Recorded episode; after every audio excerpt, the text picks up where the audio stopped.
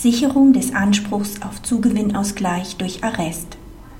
Für den statthaften dinglichen Arrest zur Sicherung des künftigen Zugewinnausgleichsanspruchs dürfen an die Darlegung und Glaubhaftmachung des voraussichtlichen Anspruchs keine zu hohen Maßstäbe angelegt werden, da der Gläubiger regelmäßig kaum Einblick in die Vermögenswerte des Schuldners hat.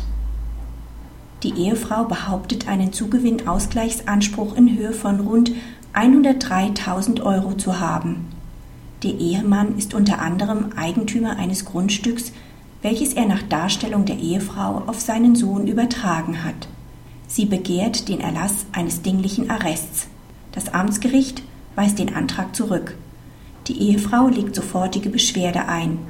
Das Oberlandesgericht gibt dieser statt. Ein künftiger Anspruch auf Zugewinnausgleich kann ab seiner Klagbarkeit mittels eines Arrestes gesichert werden. Die nach 920 Absatz 2 ZPO erforderliche Glaubhaftmachung bedeutet die Herbeiführung der richterlichen Überzeugung darüber, dass für die Wahrheit der behaupteten Tatsache eine überwiegende Wahrscheinlichkeit spricht. Eine Gefährdung des Zugewinnausgleichsanspruchs ist hier glaubhaft dargelegt.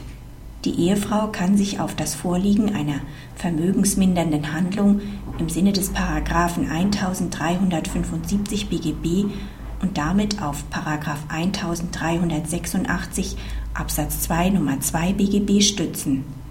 Eine Gefährdung des Zugewinnausgleichsanspruchs durch die Eigentumsübertragung ist anzunehmen, weil der Wert des restlichen Vermögens des Ehemanns die Höhe der zu erwartenden Ausgleichsforderung nicht erreicht.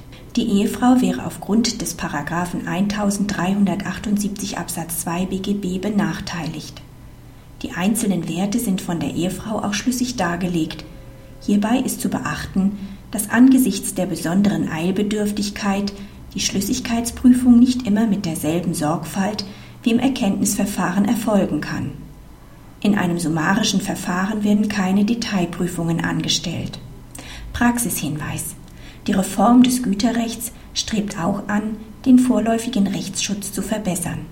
Paragraph 1385 BGB-Entwurf wird dem Gläubiger unter bestimmten Voraussetzungen nun auch die Möglichkeit eröffnen, vorzeitig eine Leistungsklage auf Zugewinnausgleich zu erheben.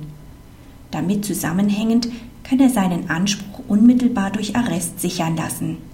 Der Streit in Literatur und Rechtsprechung ob ein künftiger Zugewinnausgleichsanspruch durch Arrest gesichert werden kann oder 1389 BGB Lex Specialis zu 916 ZPU ist, wird damit gegenstandslos